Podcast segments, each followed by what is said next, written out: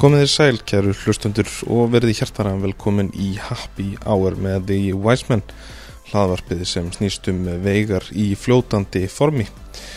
Nú vonandi höfðu gaman af síðastu þætti með meistara Blas Rokka og eflaust býða margir eftir setni hlutanum af þeim þætti.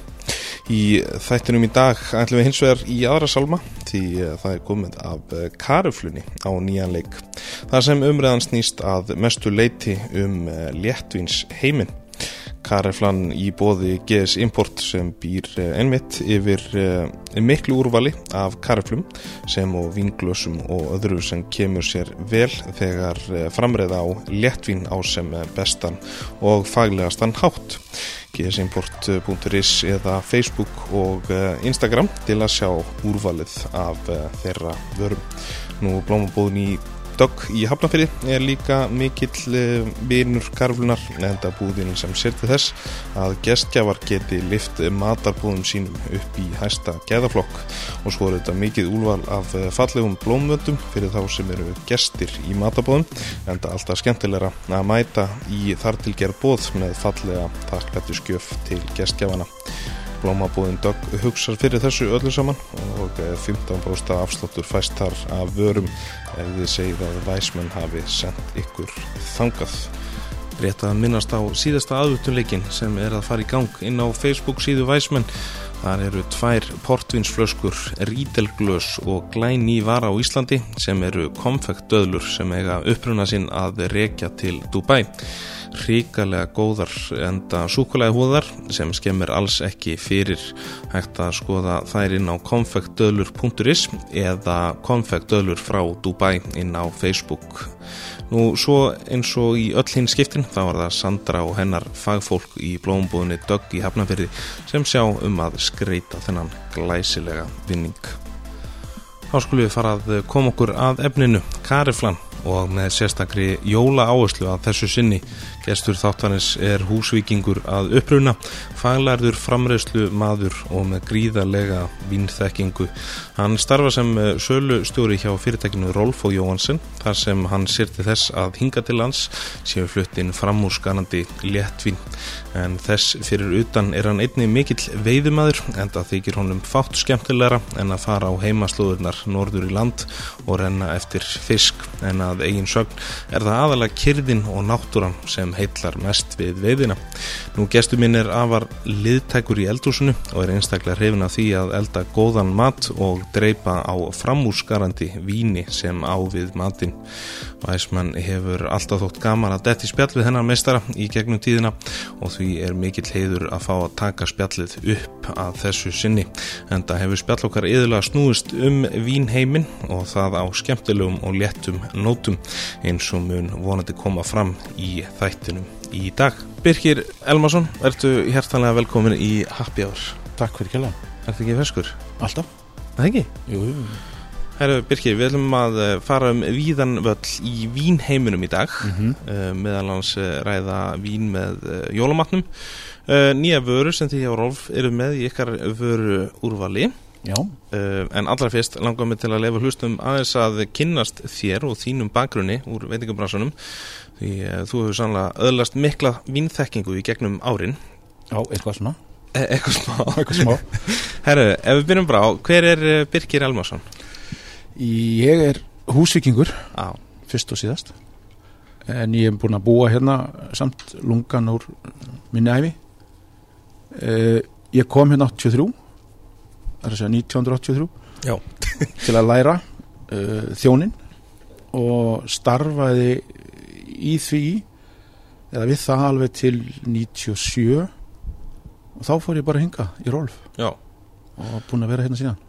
Ef við förum aðeins í, í svona ferilin, hvað, hérna, hvað var það svona sem að uh, kvekti áhugaðin á, á þjónunum á síðan tíma? Sko, Þetta er náttúrulega ógeðslega langt síðan. Nei, þetta er mjög langt síðan ég, það er bara rosa erfitt að segja ég, hérna, ég bara veit það ekki sjálfur, ég kem náttúrulega bara úr litlum bæ fyrir norðan og það var ekki eins og að veri miljón veitingu og svo barir og allt í gangi Nei, náttúrulega. það var bara hótelið og það var eiginlega bannað innfættum sko þá Já, Þannig að, ekki lærði maður eða fekk maður áhuga kannski beint þaðan. Nei, en það var held ég bara þetta eh, að vera innan um fólk og, og einhvern veginn svona sem heillaði. Og hérna og ég hafði mjög gaman af, af því að vera í þessu starfi sko. En hérna þetta var, maður kannski hætti á tíma sem maður var svona dapur business að vera þjótt Já, og hérna kynntist eh, fólkinni hér og, og, og í gegnum kannski þjónin fór maður að hafa áhuga á, á hérna vínum og þessi hinn í hlýðinni kannski. Já, og endaði þá bara hér. Já. Hvar, hvar lærður þú? sko ég, ég lærði á Hotel Esju sem var hérna er Hilton í dag Nordica. Uh, þar var ég og það var auðvitað ekki alltaf nýri mynd en, en það er í dag en Það- ekki, veit ekki að húsa efst uppi þá? Jó, sko, það var bar upp á efstæðinni mjög vinsæll bar skemmtistaður Já, þá opið á 50 dögum til sunnudags minnir mig að hann verið eða hvort, já, þá var allavega eitthvað að gera þá. Og minna, minna, minna hinn kvöldin og Hollywood var hann næstu í bær við á þessum tíma sko. Það er svo langt síðan. Og í húsinu var auðvitað líka visslur eða vissluþjónusta og ráðstöfnur og fundir og, en mistari minn var sko rakennan bar, ég var mest þar. Já, ok, þannig ég var mest á barnum sko. Afgreða drikki og koktela og já. engan bjórindar þá.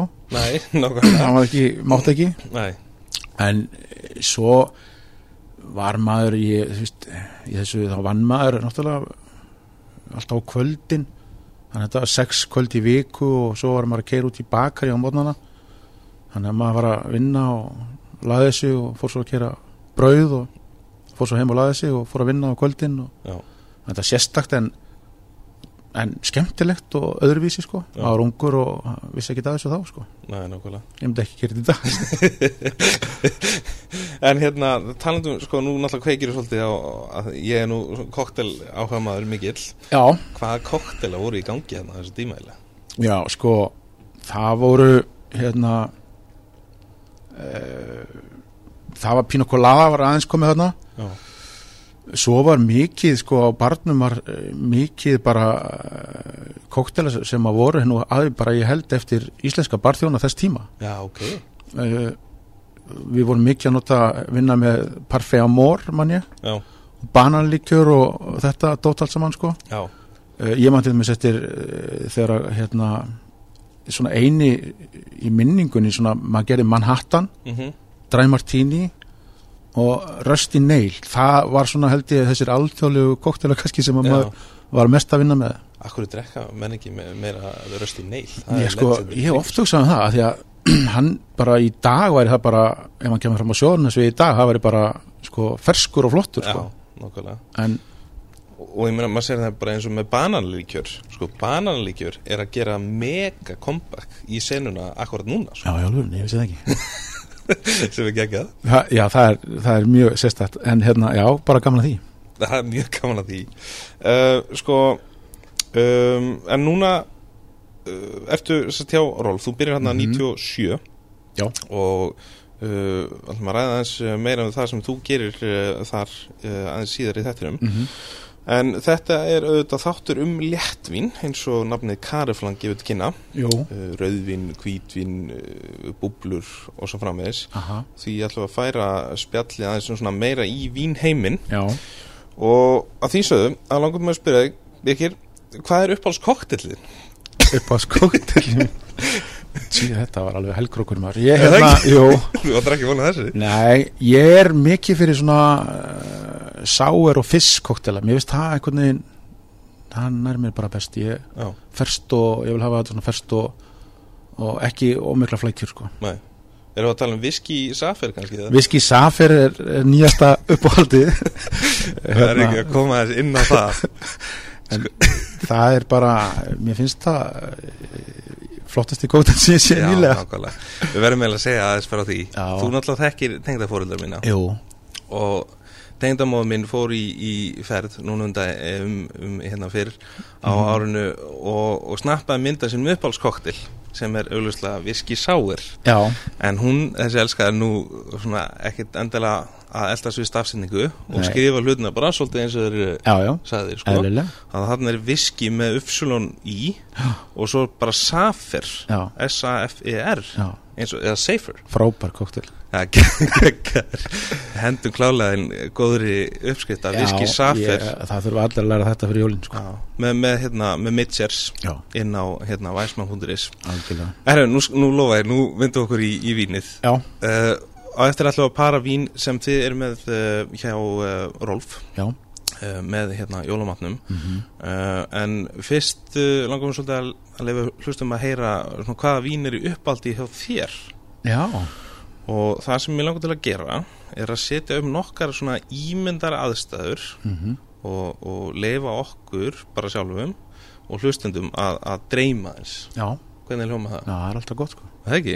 Maður á að leifa þess að dreyma. Já, það er það sem Eh, við gerum bara. Sko út frá veðrinu sem er núna á Íslandi já, þá held ég sem við hæfið að byrja á sko sól og sumri. já, og, og kannski sérstaklega hugsa fyrir það hlustum sem ætla sér að vera í heitunlöndunum yfir jólin. Já, heppin þau. Já, algjörlega. Uh, Við ætlum að leiða okkur að dreyma aðeins að þessu sinni. Uh, ef við byrjum á hvítvinni já, sko, við ætlum að dreipa á því eitt og sér Mhm. út á svölum. Já, uh, sól og hitti já. Og, og kallar á eitthvað, eitthvað fest. Já, það, ég bara, þarna er ég mjög hrifin af spönskum kvítunum, þau hafa kannski ekki verið ekki farið hátt, ekki kannski nema núna undanfarin örf á ár, mm. en ég er mjög hrifin að vera dekko sem að kemur frá Rúeða sveðin og Spáni, það eru sólarkvítin klárlega Já. og flott með skelfiski og bara, veist, þetta sem að maður vill sækir í kannski þegar maður er á sólaströnd að vera í léttum mat og Mm einhverju svona fersku og, og vínin bara, þessi rúeða vín bara flest öll sem ég hef smakkað bara uh, góð upp í frábær sko. Já uh, Sko ef útalega myndum að, að svona spænsk hvítvin hafa ekki endilega verið eitthvað Nei. úðalega Nei. Hefur þetta aukið stundurinn ára? sko já, ætla þess ekki bara partur af þessu kannski líka bara við innflytjendur eru farnir að horfa bara meira á þetta og, og kannski útvikka úrvalið, við erum ekki bara frá einu svæði uh, til dæmis bara eins og frá Rías Baxas sem Albarinho er uh, alls ráðandi, það eru frábærvín Mm -hmm. Uh, og Rueda með Verdejo. Uh, svona bara tvö nett dæmi um, um það að hérna, uh, um, um góð spönsk kvítvin við vorum mikið að drekka bara vín frá Rioja og, og það var ekkert mikið úrval heldur kannski Nei. af kvítvinum en það hefur breyst og, og víngerðsbánu þeir eru bara á, á hérna, fullir siglingu bara í gera massa góð vín bæði kvíturauð og rósavín og kafa og, og hérna, þeir eru þau- eftirtæktavert og, og verðin með gæðin, þetta er allt bara fyrir vel saman hjá þeim, sko, þeir eru bara flottir. Ok. Uh, Sko, ég meina talað um eins og nefnir kafa Ég meina nú hefur Mhm. komið eitthvað svona Prosecco-æði yfir, yfir hérna Ísland. En, en sko, ég meina spánverjar gera náttúrulega geggjuð freyðvin líka. Já, geggjur freyðin og hérna það má kannski segja sama með freyðin og kvítvinin við kannski ekki verið að sinna nóg vel sjálfur, innflytindur og sem verður til þess að það verður ekki nóg úrval kannski á markanum það er bara, segir sér sjálft en, en það er alveg klárlega til fullt, fullt af flottum hérna, freyðinum á Spáni. Og, en það er aðeins að batna og maður fylgist svona, reyna að fylgjast með í hillum vínbúana það, eh, núna undanfæri hafa dottiðin bara nokkur mjög áhugaverð þó ég muni kannski ekki nöfnin svona spontant en, en ég held að fólk ætti líka bara að gera sér ferð og í stærri búðunar og skoða þessi spönsku vín og, og kannski hérna núna rétti tímin að splæsa í mm, gott kafa sem kannski kostar 2,5 til 3 mm og bara upplifa svona alvöru flott freyði mín frá Spáni. Já, og sko uh, ef við hérna, nú erum við náttúrulega ennþá í, í sólinni mm -hmm. uh, og nú erum við sko það, svo sem gæti kannski alveg komið til að, að svona í jólamánuðinum að hérna þegar fólk er með matabáð þess að að, að, slengja fram svona einhverjum ostabakka Já. eitthvað þess að mm -hmm. hvað hérna, hvað getur við verið uh, með, með því myndur þú segja? Já sko hvítin frekar en rauðvin sem að fólk reyndar kaupir ekki alveg en hérna, hérna, en komandi kannski úr myrkrinu og norðurinu hérna þá skil ég vel að fólk vilji bara súpa sitt rauðvin frekar en kvítvin og hérna með ostum en, en ég skora samt á fólk að prófa hins vegar að hérna prófa sér áfram með kvítvin og, og osta. Það er hérna mjög skemmtileg upplifun. Já, við erum svolítið fljót ofta að fara í, í bara raukt og, og Já, já, ég sko stundum er maður með hérna haft sambandi mann og spurt hvort að maður sé til í að hendi í smökkum fyrir einhvern hóp og, og það er ekkert bara óalgengt að að maður fái svo að heyra maður svona reyna að forvitnast um hvað hvernig vín hafið þið svona áhuga á og, Já, og sérstaklega ef þetta eru kallahópar er bara, já við drekkum bara raut já, og maður bara, af hverju drekkið bara raut já, hvítin eru bara vond. Já. Bara þannig er það Já, bara. þannig er það bara. Og hérna, ég hef alltaf gaman að því samt að hérna, laumin kannski þá tveimur kvítinum og Mhm. taka á móti svona hópum og, og láta þá smakka alveg góð kvítin því að það kemur þá alltaf í ljósa menn kaupa aldrei kvítin, þannig að þeir veit ekkert hvort þau eru góð eða vond. Er bara, og ef þeir kaupa kvítin þá kaupa þeir bara eitthvað drasl Já, af því að hérna, þeir vilja bara eða meira í rauðvinni já Þetta er alveg magna sko. Já, þetta er nefnilega svolítið skrítið sko. Þannig að sko, við getum í raun og verið að halda okkur bráspáni í þessu tilfelli. Já, og, og þá kannski að fólk vikir svona svolítið svolítið ringin út frá Rjóka og skoða svona- Já, og bara órætt að prófa og einmitt hérna, kannski þegar maður er að forvetnast með vín og spá og spekulara þá er bara dálítið að svona spá í hvaðan víni kemur og hvað þrú er í vín Já, frekar heldur en að binda sig við eitthvað ákveðið leibúl eða einhvern ákveð, ákveðna tegund frá já, nákvæmlega. Ekki festa sig í því. Nei. og koma svo hérna heim og bara vera ónýtur af því að þetta vín fæst ekki hérna en það er kannski til tíu vín frá sama svæði og sömu þrúu Já, já, en fólk bara er ekkert að hugsa það þannig. Það bara sér ekki miðan sem það þekkir og þá Já. bara oh, ringi þá í okkur og spyr, er það ekki til að flytja inn? Sem er bara mjög algengt sko. Já, það já, Magna. En sko við höldum okkur í sólinni. Já, Ég reyndir að alveg nánast farin að sólbrenna hérna. Já. Það er mjög gott reynda Hérna, eitthvað annað en, en hvítvín Getum við sko uh, Hvað annað dettur í hug? rósvæn, Rósavín það er bara hinn glemdu vín, Já, það er bara hann uh, ótrúlegt magna af rósvæninum í umferð uh, út um allan heim út um alla Európu uh, frábæri vín. Uh, og hérna ég er ofta að benda fólki á það líka sem drekk ekki hvítin já, og segir maður, fáðu bara rósavín já, já, nei, ég drekk ekki, veist, svoleiðis. Já, en þetta eru rauðvín, sko. Já, þetta er meira minn allt úr rauðvinstrúum já, já. þannig að það er bara þessi skin kontakt sem að kalla þær er sem að skilur á milli Já, og, og, og nú geti, geti meiri segja sko komið inn á það. Þetta er í hug bara uh, kampaðin sem er 100% pínu var. Algjörlega, þú veist, það er bara með rauðinstrúi algjörlega. En fólk kveikir ekkert á þessu. Nei, nei. ég veit samt að fólk veit alveg þetta er ekki búið til rósum ég veit það. En, en ég held samt að fólk bara pæla ekkert í þessu. En það er bara kannski sama með kvítinu sem voru ræðan hérna áður þá voru, voru til þrjú kannski, eitt, tvö, þrjú rósavín í, í vínbúðunum en þetta eru þetta breyst og, og hérna það er auðvitað alltaf verið að flytja inn sko að reyna að hafa vín ódýr og, og það er bara gott og vel. En stundum má alveg fólk svona bara aðeins pæli í því að hérna, bæta við 500 krónum já. Þá gríðalegu gæðamunur bara á En, að 500 Þú krónur ert virkilega bara að stökka svolítið í gæði bara á þessum Já, þú ert bara basically að kaupa mun dýra vín, sko miklu dýrar í rauninni en hennar, þessa 500 krónu því að þetta, þetta munurinn er kannski bara í einhversverði innflytjandans uh, þessa 500 krónu því að þú ert að borga sömu það er sama álægning sko Já. og það, er, eru sömu skattar og tollar að þessu og þannig að þessi 500 krónum honum er vel eitt allavega þarna, þessi Já. umfram Já, nákvæmlega um, Sko, ég meina þetta ég meina þetta rósa æði ég meina við höfum verið að sjá líka bara freyðivín uh, gín, ég meina Já, pinktinn, Já, já. þessi þessi fallið litur er einhvern veginn svolítið bara að ná vel til fólks Já, og, og hérna, hvetjum þá bara með því og fólk já, ég held að getur verið bara fínt áramata heit ég vona að við fáum bara eh, sumar. Já, nákvæmlega, Eh, það er betra að fá sumar eins og síðast sumar var. Mjög gott að rosa eins sumar. Já, og, hérna, og endurtökum sumari bara frá því fyrra. Já, það var, ég var alveg til það. Herðu, ok um, Sko, sko komum aðeins úr sólni og hitanum ok. í bara þær aðstæður sem að við búum við uh, þessi blákaldi veruleiki Já, já. dimmi og, já, og kaldi, sko uh, hvað með portvin og sherry? Jú uh, Mér svona tilfinning mín er hins vegar svo að það er svona minkandi áhuga þessu. Já, sérstaklega kannski sherry.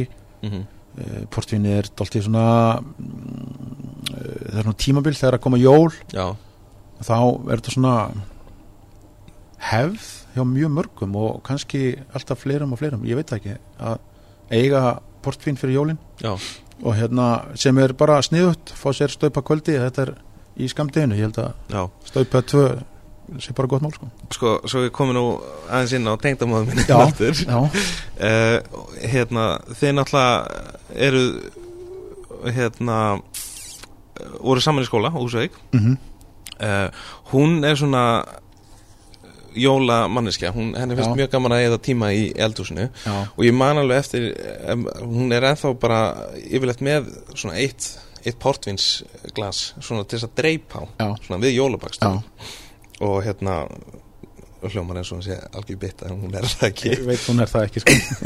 En hérna, sko, þetta er í raun algjör snilt að Já. vera með svona smá portara á kantinum. Já, ég, mér mér finnst að fólk ætti að taka sér það til fyrir mig ég, þetta er alveg hérna go- gott og gilt sko og fín bara jólahefð held ég. Mm ég held að fólk ætti ekkert að vera hérna uh, ekkert að hrættu að prófa. Og svo má kannski benda á að hérna að dökka portvíni það, fólk kaupir kannski fyrsta desflösku já, og hérna þetta er dalt eins og rauðvín. Það, það fölnar nú smá svona gæðin í því þegar það líður á. Já, og ef að fólk hérna er dreipa rólega þessu þá er kannski betra að henda sér í svona tóni tíur og tóni eða eitthvað já það stendur lengur og en svo svo má náttúrulega líka bara glussa þessi í sósuna sko. Já, jú, jú. Jú, henda þessi bara þar á vel heima þar. En það er reyndar bara mjög gott líka sko. Já, það er þetta bara orðið svona portvíns jól. Já, nákvæmlega. Uh, og þú veist, ég tekka fram að hún er náttúrulega ekkit eh, gömul sko, bara svona um færtugt eins og þú en það voruð þið saman í skóla. Nákvæmlega Herðu, en svo er líka gaman að taka það fram að sko Portinu Seri er að gera mega comeback í koktelum já, það er hérna sem svona, að maður er búin svo lengi þessu maður sér að hérna gamalt gott stöf það er á hérna svona comeback í koktelum, við veist hérna við ekki væntu það, konjak til dæmis Já, sem að maður sér bara ég er bara yng, yngri kynnslóðin bara vill þetta ekkert. Nei, en drekkur þetta í gegnum koktela og það er þá bara gott já. og sama, gaman að heyra það með seri og portín Og þetta talandi um konjak sko, ég held að að þess að sko konjaksframleitur ég er nú aðeins búin að nefnda að ég, að það eru margir að, að pæla um því að hérna hvað þið geta nú bara gert til þess að, að þetta er svona eldri kynnslóð og, og ég held að við séum, við séum að fara að sjá tölurt af, af konjakskóttilum koma. Já ég heldur þetta að það sko geti virka vel. Ég, hérna, ég, veit ég er búin að fara tvisar og þrisar til konjak.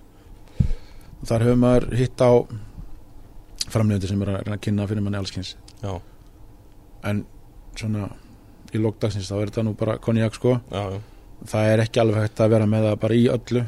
Og, og sérstaklega ekki þessi skemmtilega hugmynd sem kom upp fyrir nokkrum árum að para þetta með mat já, nákvæmlega. Það einhvern veginn virka ekki fyrir mig. Nei, ég, mér hef ekki langað í það hvorki þá nei, nei, nákvæmlega. Að vera með mismöndi konjak í glösum og Nei, það er svolítið, þú veist, já, mér finnst það svona, svolítið eins og menn sé að, að forsa þetta. já, veist, Þetta er, þetta ég, mekkar ekki alveg sens. nei, ég veit ekki alveg hvað þetta er sko, þetta er, En við allavega hvetjum eitthvað til að selja okkur þessa hugmynd. já, já, það er fínt ef að fólk er upptekið við þetta finna eitthvað svona upp fyrir okkur hína Já. En talað um, sko, þú hefur farið til konjak, já, sko, síðan 97, þú er búin að fara fullt af, af skemmtlum ferðum. já, það er reyndar hérna alveg rétt, ég er búin að fara út um bara allar koppagrundir bara, mér að minna minna sko Hvað, hérna, hvað svona stendur upp úr?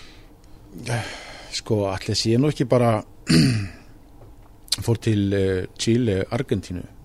Já, uh, það var ævintýralegt. Bara að koma þarna og og svona upplifa bara eh, þessi lönd liggja nú saman. Mm eða svona hlið við hlið og hérna en þau eru eins ólík og og sko ég bara áttaði ekki á því fyrir en maður koma hvað eru mikið ólík. Uh, og það var nú reyndar kom alveg greinlega fram í ferðinni að því að við vorum sko í byrjum í Chile og fólkið það sem við vorum hefðis ekki vissi og vorum svo yfir, á leiðinni yfir til Argentínu þannig að þau voru alltaf að segja við okkur Chile búinir að væri nú ólíkir Argentínu mennir, ólíkir okkur sko sögðu.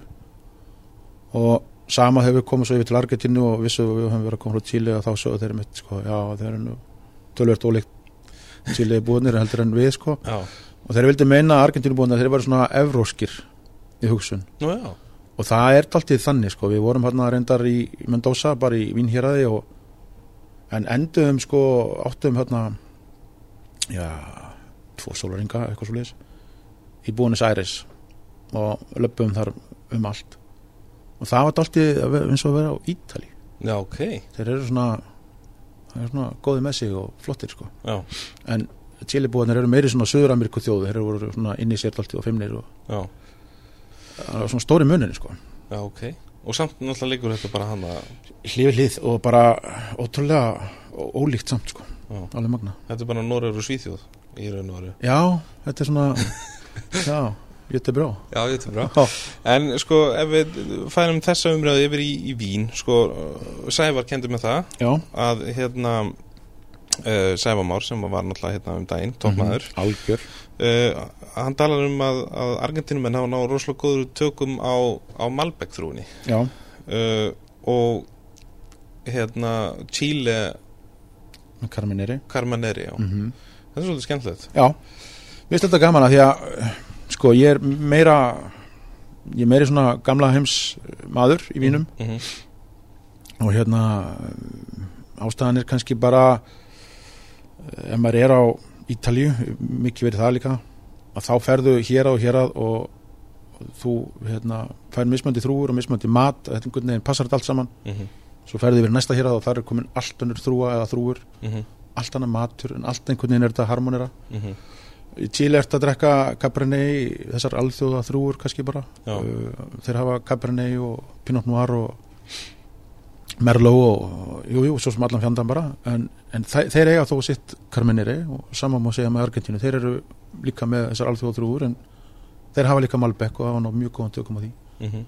og það gerir svona fyrir mig, minn persónlega smekk finnst mér gaman að smakka Malbec frá Argentínu. Já, en mér finnst ekkert svona uh, ekkert svona endilega heillandi við Cabernet Sauvignon, hann getur komið hvaðan sem er uh, og, og mér til dæmis bara forðast ef ég er á Ítalju þá vil ég helst ekki drekka þar, sko. Að þau séu mörg hver góð og allt það. Þá vil ég frekar bara að því ég hef bara meiri áhuga á því að leita upprunans þar sem ég er stattur sko. já, nákvæmlega. Og ég meina það, ég meina talandi um ítalegu þá eru náttúrulega með tölvöld svona uh, fleiri lokal þrúur sem menn mjög- hafa kannski masterað tölvöld betur. Já, mjög margar sko. Og ferðum heldur bara betur að halda sér við þær heldur en að vera Já. að búa til eitthvað sem að fæst alls annars þar Er þetta ekki líka bara, þú veist, in the end uh, bara þegar þetta, þetta var hannað þá er þetta náttúrulega hugsað svolítið kannski út frá matagerðinni sem að er á því svæði. Jú, sko að Já, þetta er bara einmitt Maður, ég oft pælt í það, þetta er náttúrulega uh, sko alda gamalt einhvern veginn.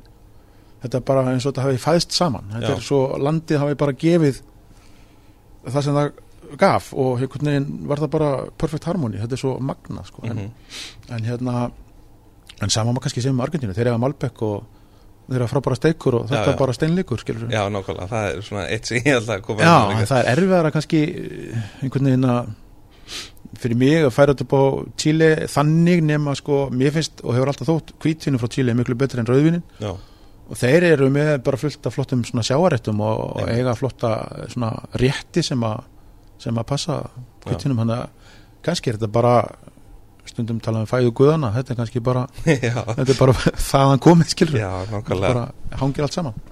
Algjörlega. Uh, Ítalja, er það svona svolítið í uppáldi, myndu segja? Já, ég verð að það. ég hérna um, sko minn gamli sölustjóri sem var hér hann var mikill Ítalju aðdáðandi bæði matar, vína og landsins sjálfs bara raunar og ég fór að fara minna fyrstu ferði með honum sko. Já, og hérna ég fer alltaf á vín Ítali. Við erum með, höfum líka alltaf bara verið hérna með mikla áherslu hjá Rolf að ítölsk vín eru svona okkar Svona signatur já, dáltið, við höfum verið duglegir sko, mm -hmm. með ítölsk vín og hérna, þannig að maður hefur farið hverju ári á síningu, hérna vín Ítali og, og er búin að smakka ansi mörg ítölsk vín. Mhm. og maður hefði aðeins farið um Ítali. Ég hef nú gerðin viljað fara mun meira en ég hef gert en enga síður þá hefur maður prófað að fara hérna aðeins um og hérna og það er bara mér finnst vínin eh, sko verð og gæði þetta er, þetta er alveg sko í fullkonulegi og svo er bara fátt betur en að vera á trattoríu starf út í sveit og fá pasta úr eldhúsinu æfa gamla uppskriftjabil og, og vín sem einhvern veginn bara steinleikum með og þetta er einhvern veginn bara fullkomin hamingja. Það er bara hlutis Þetta er lífið. Þetta er lífið maður, já, hugjulega En ég minna, svo er náttúrulega Ítalía Þú veist, það, þú getur fundir um góð vín bara í hverju hotnið hana já, það er alltaf hannig sko. Uh, og bara alltaf betur og betri. Auðvitað bara líka með hérna nútíma tækni og Já. Uh, menn, þetta eru bara mikil vísind að baka þetta og menn eru bara betur lærðir og vita betur hvað eru að, uh, hvað eru með í höndunum og svona allflestir. Já. og sem að verður bara til þess að svona heildin, sko, bara ódýrvín og upp í dýruvínu, þetta er heildin, heildar bragurinn á þessu er bara mjög góður. Já.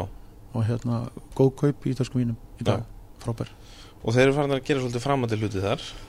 Jú, þeir eru jú, jú, það má segja það Sko, ég sá inn á þér Jú, uh, pitsuvín já.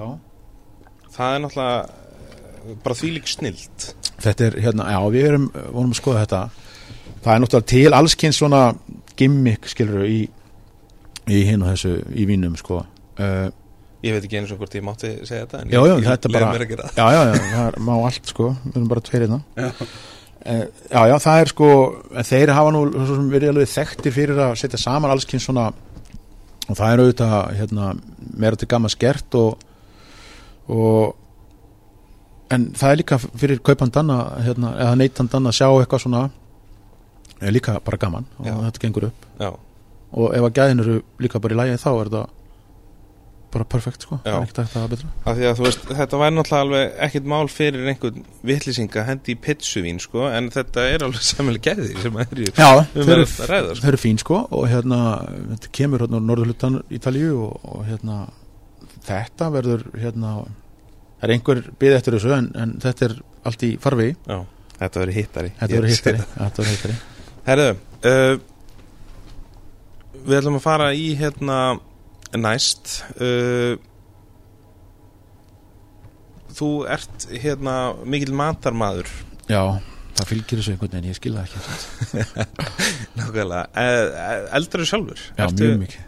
Já, ég, bara ég ég fyndist stundum sko fínt að það væri bara eh, þú þrýr vinnudagar já, í viku sko og, og hérna fjórir dagar í helg, þú helgin. Já, þannig að maður geti almennilega að gefa sig að þessu en hérna, er ekki alveg þannig en já, ég hef bara mist rosalega gaman að elda og fá bara vinni heim í í mat og, og opna flösku af góði vinni og, og einhvern veginn njóta saman og spjalla. Það er bara er ekki fer maður niður á strönd, skilur nei, nei, maður bara finna sér eitthvað annað. Þú er náttúrulega búin að gera introð hérna aðstæðin nummer tvö. Já, já, ok, Takk fyrir það. Já, ekki máli. Ha, Great minds think alike já, já, það er bara þannig.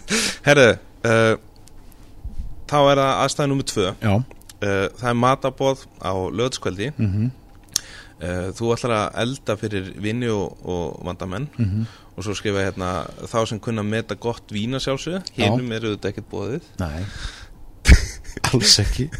Og þú ætlar að velja einn af þínum svona spariréttum. Já, við rétt sem að bara klikkar ekki. Mhm. Uh, hvaða réttu verið fyrir valinu og hvaða vín væri uppskriftin af góðu kvöldi Vá, þetta er bara ég sagði ekki að þetta væri innfald sko. Þetta er svona eins og bara að lesa símakrána en hérna sko bara að því að við erum stattir svona í hérna aðdraganda ofsaviðus já, að þá, þá kemur bara upp í hugan svona vetraréttur sem að ég geri í stundum og og hérna lætur alltaf mér og öðrum líða vel. Og það er sérst, þá elda í nautakinar já, hæg elda, ég hérna má ekki fara að hátta því að ég vil ekki þetta viti margir að nautakinnar eru góðar. Nei, ok. Af því að hérna, þetta er hérna, líka er þetta ódýrt sko en þetta er frábært fráöfni en það þarf að elda þetta í svolítinn tíma. Já, í þrjár, fjórar klukktíma jafnvel meira. Eh, en þetta matla maður bara í svona potti og, og hérna græjar með þessu bara græmiti og, og gerir svo bara góða sósu og svo polentu upp á ítalska mátan og, og hérna svo er maður bara, veist það er til svo mörg góð vín en uh, Ítalíu, það fer bara eftir í svona bara maður opna skápinn hvað hva, hérna svona flaska grípum mann eða jafnvel bara eh, eftir hvernig stuðum er jafnvel bara einhver framlegandi sem að maður er, er hrifin af og eins og Væra frá Piemont eh, væri hérna flottur, kemur flottur hann Já. eða, eða Brunello frá Il Poggione eða eitthvað svona í þeim dúr. Mhm, ég er líka mjög hrifin af uh, toskana vínum og þá jafnvel meira hérna frá Montalcino, hérna Brunello megin. Já, fyrir mér er það svona svona til þess að setja í samhengi uh, svona dálítið svona bordólegt uh, það er svona tegnarleg vín eins og bordó já Ok, ég held að þetta það líður öllum vel eftir svona sko. Já, mér bara hlakka til að fá bóði já já, ég, er einmitt að skrifa það núna tíðin sko. Herðu, þú er þá að hendi viski seifur undan já, sko. klálega. Viski Safir, það er Það er ekki, það er auðvitað. Herðu, ef við ekki taka uh, aðstæðan um þrjú Já. líka. jú, Þú ekki klárið það? jú, ég bara Gaman maður að er þessu, svangur sko Já, ég sammálaðir Herðu, uh, þú ert uh, lagsmaður mikill. Mm. um, það veit ég, og það er ekki gaman að veiða. Já, veist það. Erum við að vinna með flugu eða? já, hvaða svona ár og vötn eru menna að vinna með aðalega og Sko. það komur svolítið í sumar aftur já, það er aðeins byrja að hugsa um þetta. Ég, ég er sko komandur norðan, mér finnst alltaf hérna gott að fara norður í heimahana og sæki dálítið að komast í urriðan bara í lagsár uh, í lagsáni já, hef hins síðari ár verið bara í efri hluta lagsári aðaldal og hérna verið í júni reyndar skrítið eitthvað klikka, það er alltaf að tala um sko félag mínir hérna á húsavíka eins og þú kannski veit og þjóðin öll, það er alltaf náttúrulega frábært viður hérna, já, já auðvitað. ég hef bara verið ótrúlega óheppin sko, já, ég skil ekkert í þessu. Það er ég hef verið þannig svona 30-60 hitta þannig mjög júni, já, það verður eitthvað að fara að kippa þessu liðin. Já, en breytir ekki því að mér finnst alveg dásanlegt að vera þarna. Og þarna eh, við þessar aðstæður sko þá náttúrulega tekum maður með sér kassa af einhverju góðu vini. Og eitthvað gott ráfni og þá er maður svona, ég fengi að vera í bústað systemina sem er hérna rétt fyrir utan uh, bæinn og stendur nú bara nánast á bökkum lagsár. Já, og það eh, að vera hérna bara með stöngi hendi og einhvern veginn bara út í náttúrinni þetta er þetta er bara hlaðabatterinn, þetta er bara ótrúlega gott sko. Já, veiðin er hérna, maður vil náttúrulega alltaf setja fisk og fisk sko, en, en það þarf ekki að vera alveg á fimm minúta fresti sko, alveg slakkur sko. Já, þetta er líka bara að vera út í náttúrunni og, og slaka á. Já, að vita sko ef maður kemur í heima það er húst, kaldar búblur í skápnum. Já, og hérna rósavín ef það er sól sko, ég, er alltaf að býja til reyndar, en, en það lítur að koma að því. Nákvæmlega. Sko uh, er, þú, þú, þú ert ekkit mikill bjórmaður endilega? Nei, sko Nei. Ég veit, sko, ég varða aldrei frammeður öllu, Nei. svo reyndi ég að vera það. Já, og hérna, ég get alveg fengið mér hérna bjór og og stundum kannski eftir svona heitan dag maður er búin að vera eitthvað að vissinast þá er alveg gott að koma og fá eitt svona ískaldan sko. Já, en það dugar mjög oftast bara sé eitt ég vil frekar bara hafa mér uh, búblur sko eða, eða rósavín eða kvittín sko. Já. Uh, sko talandum að því að í svona veiðuferðum er, er oft hérna, eru menn oft með eitt kaldan sko. Jú, en þú, þú verður þá bara frekar til að taka með þér bara eina góða rósi eða eitthvað já, já. Við förum nú sko vinnindir hérna tökum svona víntúr víntúr ári og það hefur verið mjög gaman. Þá er hérna, það er svona smökkunatúr, þá uh, tekið svona dálítið vel af, af vínum, oft þá bara nýjum eða nýlegum vinn sem við erum að koma með á markaðin já, og vinnir að vanda með koma með og tekið svona smökkun. Og það er hérna við höfum alltaf bjór með sko. Og það er, ég vikinn það, það er alveg gott sko ef það er hitt út til að koma inn og fá sér kaldan. Já, en ja, oftar en ekki og meira og meira í setjum tíð þá þá fer ég í skopið bara að opna rosavinn eða kvittin sko. Já. og finnst það bara eiginlega betra. Já Sko, á mínu heimili mm -hmm. uh, þegar maður áskotnast bleikju Já, uh, oftar en ekki þegar, þegar Davíð frá, frá Glömbur jú, gerir sér, gerir sér nákvæmlega. hérna kaupstæðaferð það er einmitt þar sem ég veiði sko hjá honum, hérna á hans svæði. Já, sem mætti nú vera oftar sko því að, því að hérna, það uh, fæn bleikju frá, frá honum í, í, úr, úr landeldi eða sjálfsögðu. Akkurat, sko, mér þykir rosalega gott að hafa bleikju til dæmis fyrir eitthvað basic. Já, og uh, þegar um, svona, ég áskotnast þessa ágætu bleikju uh, þá finnst mér ekkit verið að hafa bara svona oppökuð eða pannustegt á róðinu uh, oppaka grammiti svona rótagrammiti, mm Mhm. -hmm. sætkartöflur rófur, gulrætur, salat með fetósti og svo dressingur úr grískri jógurt Já. með svona, kannski smá læm og smá hunang. Ekkert flókið endilega. Nei, og sko Savion Blanc náttúrulega klikkar ekki þarna. Nei uh, hvað annað myndi ganga vel með svona rétt bara svona get basic? Góður rísling bara, bara solid gott þarna. Já, þá erum við ekki að tala um sko dísætan nei, nei, ekki sætan. Nei, en ekkert endil alveg sko þurran. Nei, en ekki þessa sætu sem við þekkjum kannski á vínbóðunum að færi í eitthvað svona meira valjú rísling ef að ég má orða það þannig. Já sjálfsög uh, erum við að tala um eins og allsarsýsling eða plöðis að já, alls þessi rísling og svo að því að tala nú um Verdecho mm frá Spáni, það væri örgulega bara flott með þessu líka. Já Er svona, Verdecho er ekkert það, það er svona tenging í Sauvignon Blanc eða ert fyrir svoleiðis. Já, nákvæmlega. Ég veit svona fundið það svolítið eh, aðeins verið að, að, eh, að bræða á þessum verið dekko já, mælum því. Uh, sko þið eru nú með svona rýsling hjá Rolf. Já, við erum reyndar ekkert sko gríðarlega sterkir en við erum með Alsas Rísling Já. samt. Brundlmeier uh, við erum með, og svo erum við, já, með, hann er austurískur. Hann er austurískur ke- við erum hann líka. Já. og þá ertu erum við að tala um í báðum tilfellum svona þurran Rísling Mhm. sem að er bara solid gott matarvín alltaf sko. En uh, grænir vellingar, grúnir vellingar. Já, það er nú bara hérna glemda vínið einhvern veginn. Það, fólk einhvern veginn trestir sér bara ekki til að prófa þetta fyrst mér en einu viti, við erum búin að vera með grunni vellinni vín í á sérlista í vínbúanum sko Já. frá nánast uppa við þessar aldar og, og sjálfsagt búin að selja samtals uh, ég veit ekki 300 flöskur skilurðu, Já. á mörgum mörgum árum það fara nokkra ári Mhm. en þetta er þarna og hérna það er einhverjir greinlega sem kaupa einu og eina Mhm.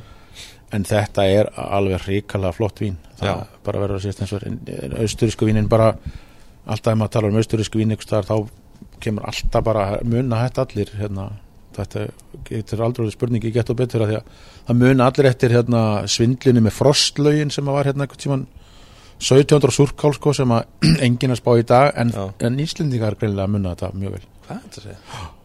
og ég kann ekki að segja söguna af þessu svindli nema að því að mér er bara alveg saman það hvað var gert fyrir 40 árum síðan eða hvenær sem þetta var. Nákvæmlega. Í dag er þessi vín bara frábær Já. algjörlega frábær og, og, og gott líka muna það bara eins og ég mana bara frá því ég var að læra grunir vellinir Já. og það maður kalla þetta grænu vellingar. Jú, og það er ennþá bara virkar alveg sko. Já. það er bara eins og böðvar bútvar bjórin það er alltaf, hérna, Ja, eru böðvar. þið- ennþá með böðvar?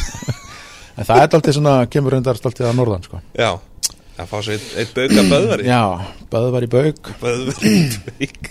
Það er mjög gott. Klassíst sko.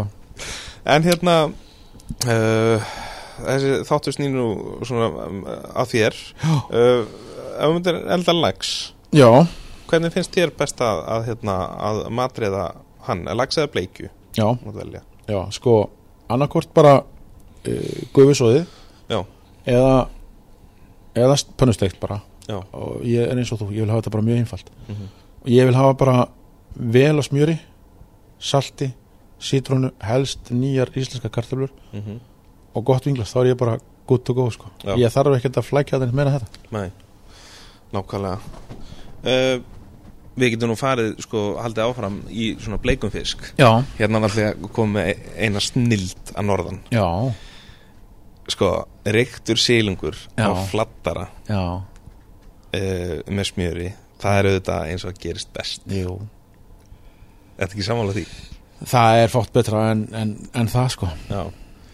Hvað drekkum við með svoleið, sko, reykurinn. Já, Getur hann verið svolítið trikki? já, hann er mjög trikki Það er hérna, og brauðið hefur sín sérstakka keimsósum líka. Já, Með þessu, ég sko, þú veist bara Ég fer ekkert beint í vín þegar ég hugsa um þetta. Ég verð að veit en, hérna, þetta er svolítið trikkinu Þetta er náttúrulega trikki sko En hérna Þú veist, þá sjálf að maður fæ sér bjórið Ég var alveg til í eitthvað svona hérna, Einhvern böðvarið það? Já, dökka Böðvarinn sem er bara lager dökkur sko. Já, En hérna En hefur enginni lagerbjórsins Nema hefur svona bræðdýftina og, hann er dökkur sko. Já, En ekki, ekki ekkert stát dæmi neitt sko. Nei. Ég held að Ég sé það fyrir mér að það veri gott. En vinlega séð, ég veit það ekki Allir þetta, sko, maður myndi ekki bara Henda á þetta Pinot Gris frá Alsas Sem að hérna Sem að einhvern veginn ræður við Allan fjandan, Já. það er bara dálítið þannig Hann er náttúrulega oft svona svolítið selta Jó. dæmi, sko Það hefur sko Pinot, gott, velgert Pinot, Pinot Gris frá Alsas Það hefur sko síru sem að þarf þarna klárlega En það hefur líka sætu sem að þarf kannski að tóast eitthvað á við reikinn á Mhm, móti og, mhm. hérna, og þetta brauð er eh, hefur svona þungt einhvern veginn sætt bragð og svo er smjörið þarna fitan og hann þarf stáltið svona flókið flókna bragðsamsetningu líklega í, í víninu til þess að fara þarna en ég einhvern veginn geti ímyndað mér það já, svona hérna, vel balanseraður Pinot Gris alls að myndi gera bara gott mót sko. Já, og, og þetta er náttúrulega örgulega kannski bara í fyrsta skipti sem að þið dettur í huga að para með akkurat þessum rétt eða? Já, ég var nú ekki það. Ég hérna, það er kannski eh, bara því að þetta er einhvern veginn ekkert á borðum hjá manni en, en hérna, þó að þessi fæða guðana sko þá, þá, er, þetta, er maður kannski bara að fá þetta við þar aðstæður að maður er einhvern veginn ekki í, í færi við vín. Nei, nákvæmlega Herðu, annar svona lagsaréttur sem er nú kannski svolítið uh, þegar liður á jólum Já. og svo sem hvernig sem er það er bara, þú veist, gravlags á Já. ristu brauði með gravlagsósu Já, Erum við að fara í böðvanni þar eða Nei, sko Þar getum við alveg Já, leikið okkur það er aðeins. komið meira En þar er aftur bara, má svo sem segja með Alsas Pinot Gris, hann var í flottur Já. Eða bara uh, gott Pinot sem heitir Pinot Grigio á Ítali Eða maður, hérna Ég er þá ekki að tala um kannski alveg ódurstýpunar Nei, uh, Þú veit komin í svona aðeins meiri millivíkt kannski uh, í Pinot Gris eða Grigio ef, ef maður er þar. Uh, og svo náttúrulega Riesling líka. Já. það fyrir alltaf vel hérna, hefur góða síru og hérna, gott bit þannig að það ætti að vera flott. Og svo er hérna nýlega erum með vín sem að ég er mjög hrifin af. Það er ítalst og kemur frá suðlutanum uh, frá Marke og, og þar í kring heitir uh, Pecorino eins og osturinn. Ah, uh, það er afar skemmtileg trúa verði að segja og það ég bara hefur reyndar ekki að trúa en ég, ég gæti trúa að þetta væri hug, hugsanlega eina eða allavega þá eitt að fáum Pecorino vínum í búðunum í dag. Ok. Pekkarúni er þetta Pecorino er þrúan og víni heitir Velodoro. Það er mjög skemmtilega miða af hérna, svona grænt miði með mynd af kind framan á Aha. og hérna teng, ég veit ekki hvort það er sko ég er búin að fá upplýsingur um það að tengingin í, í, í þess að miðin er gerður vegna þess að þetta er svona glemt þrúa eða var Já, lengi þarna á þessu svæði. Uh, en alltaf þegar við erum að fara með fjöð heim og þá komum við alltaf við og borðuðu laufin af, af þessari hérna af þessari hérna Pecorino uh, vinþrúu já, uh, einhver hluta vegna sóttu þær í laufin. Ok. Og þess vegna er þessi fallega kind framan á miðanum. Ég fór um þetta að spyrja hvað fannst það skrítið. Já, já. en þetta er tenging sko. Já, það er mjög magnað. Og hérna eins og sé, þetta var nú svona glemt trúa og, og hérna en sem betur fer var ekki búið að rífa hana í burtu. Það var til eitthvað af henni þarna og þetta er vín sem að ég skora fólk að prófa, þetta er ekki það dýrt heldur. Þetta er mjög svona áhugavert. Já, og tala ekki um sérstaklega út á rollunni sko því Já. það er eitthvað sem við Íslendingar getum tekt Engin, bara spurning hvað það sé gott með lambakjöti ég er ekki kannski ekki endilega vissum það. Þegar við skoðum bara fólk að, að pröfa það. En pröfa, pröfa þetta vín, klárlega. Uh, en sko ta- talandi um, um gravlags já, uh, það er náttúrulega eitt vín hérna sem kemur, kemur upp í hugan uh, að þeir eru að tala um lags þeir eru náttúrulega með kampæðin frá húsinu Billigard Salmon. Jú, nákvæmlega. Það væri náttúrulega það er eh, klárlega sko þar væri nú bara myndi, ég smetla mér bara í rosa útgáfuna af því. Já, uh, frábært vín og myndi stilningi auðvitað bara um jól og áramót eða hvernig sem það er ef það er ekki tími fyrir hérna, kampavín núna já, þá er það bara sjaldan sko, já, algjörlega. Hátfjár vín sem kalla heldur betur. Uh, en gott innbútt frá þér hérna, með kampavín samt. Er það ekki? sko oft einhvern veginn vill, vill svona kampæðin til að gleymast uh, með, með mat, ég meina þú veist kampæðin er alltaf bara geggjað með mat sko, okay. já, þetta er bara fyrir mér er þetta fyrst og síðast bara matavinn ég meina Já. það er til svo mikið af allskins freyðinu sem er kannski betra að njóta bara eitt og sér og eitthvað svoleiðis en, en þetta er bara útkomin í alvöru vín, þetta er krefjandi og þarf bara eitthvað með sér heldur en bara Já. Spjall sko og ég meina þú veist, þú, þú þarft ekki endilega að eiga ammali til að opna kampæðisflug sko. Nei, það er nefnilega horrið það er bara alveg horrið sko Er það ekki? Uh, komum við aðeins inn á þetta áðan sko hvað uh, þín uh, uppáhaldslönd og svæði þegar kemur að, að vínu við erum búin að Já. tala eins um Ítalíu Já, og hvað svona kemur upp í hugan uh, ef við tökum hvítvín uh, og kannski eitthvað annað en Ítalíu já, hvað myndur við vera að vinna með þar?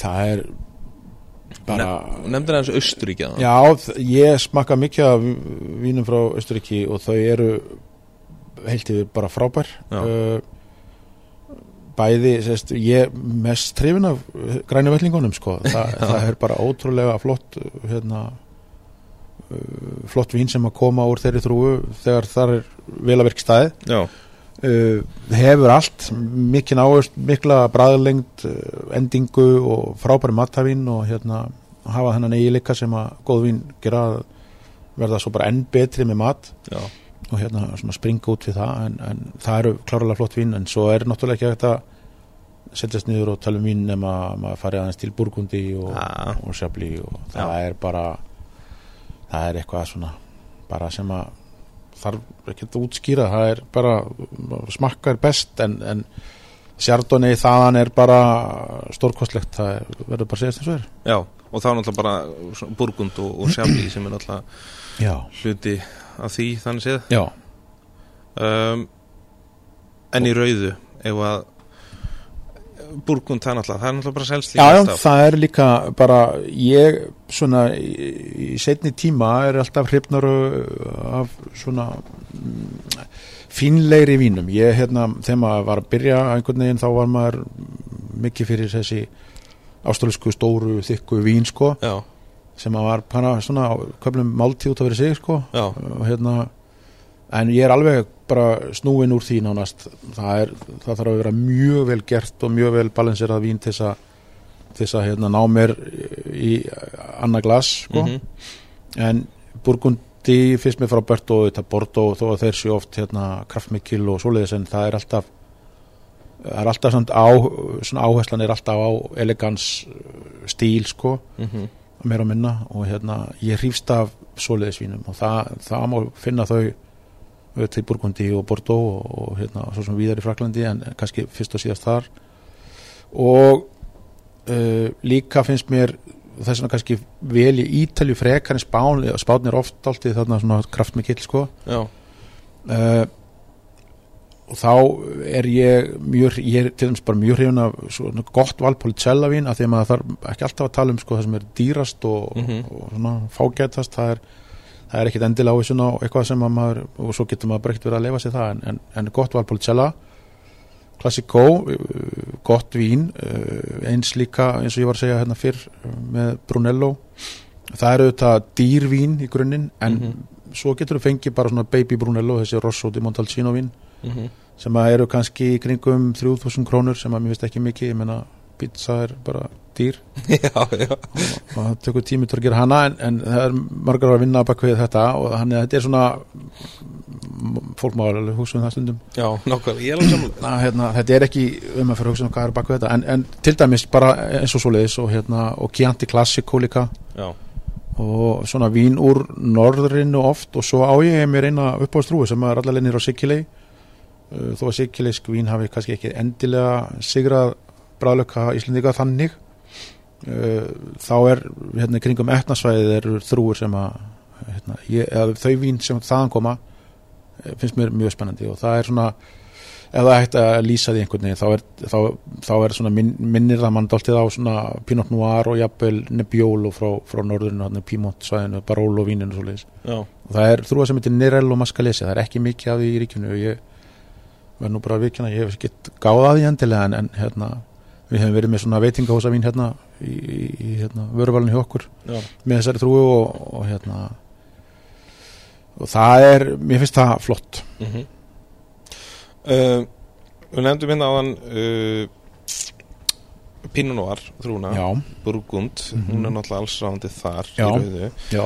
Uh, frá Paff mm þar er eitthvað Pinot Noir? Jó, sko Alsans Pinot Noir gegnum tíðina hafa mér ekki þótt neitt sérstök ég verð nú bara sér Mhm.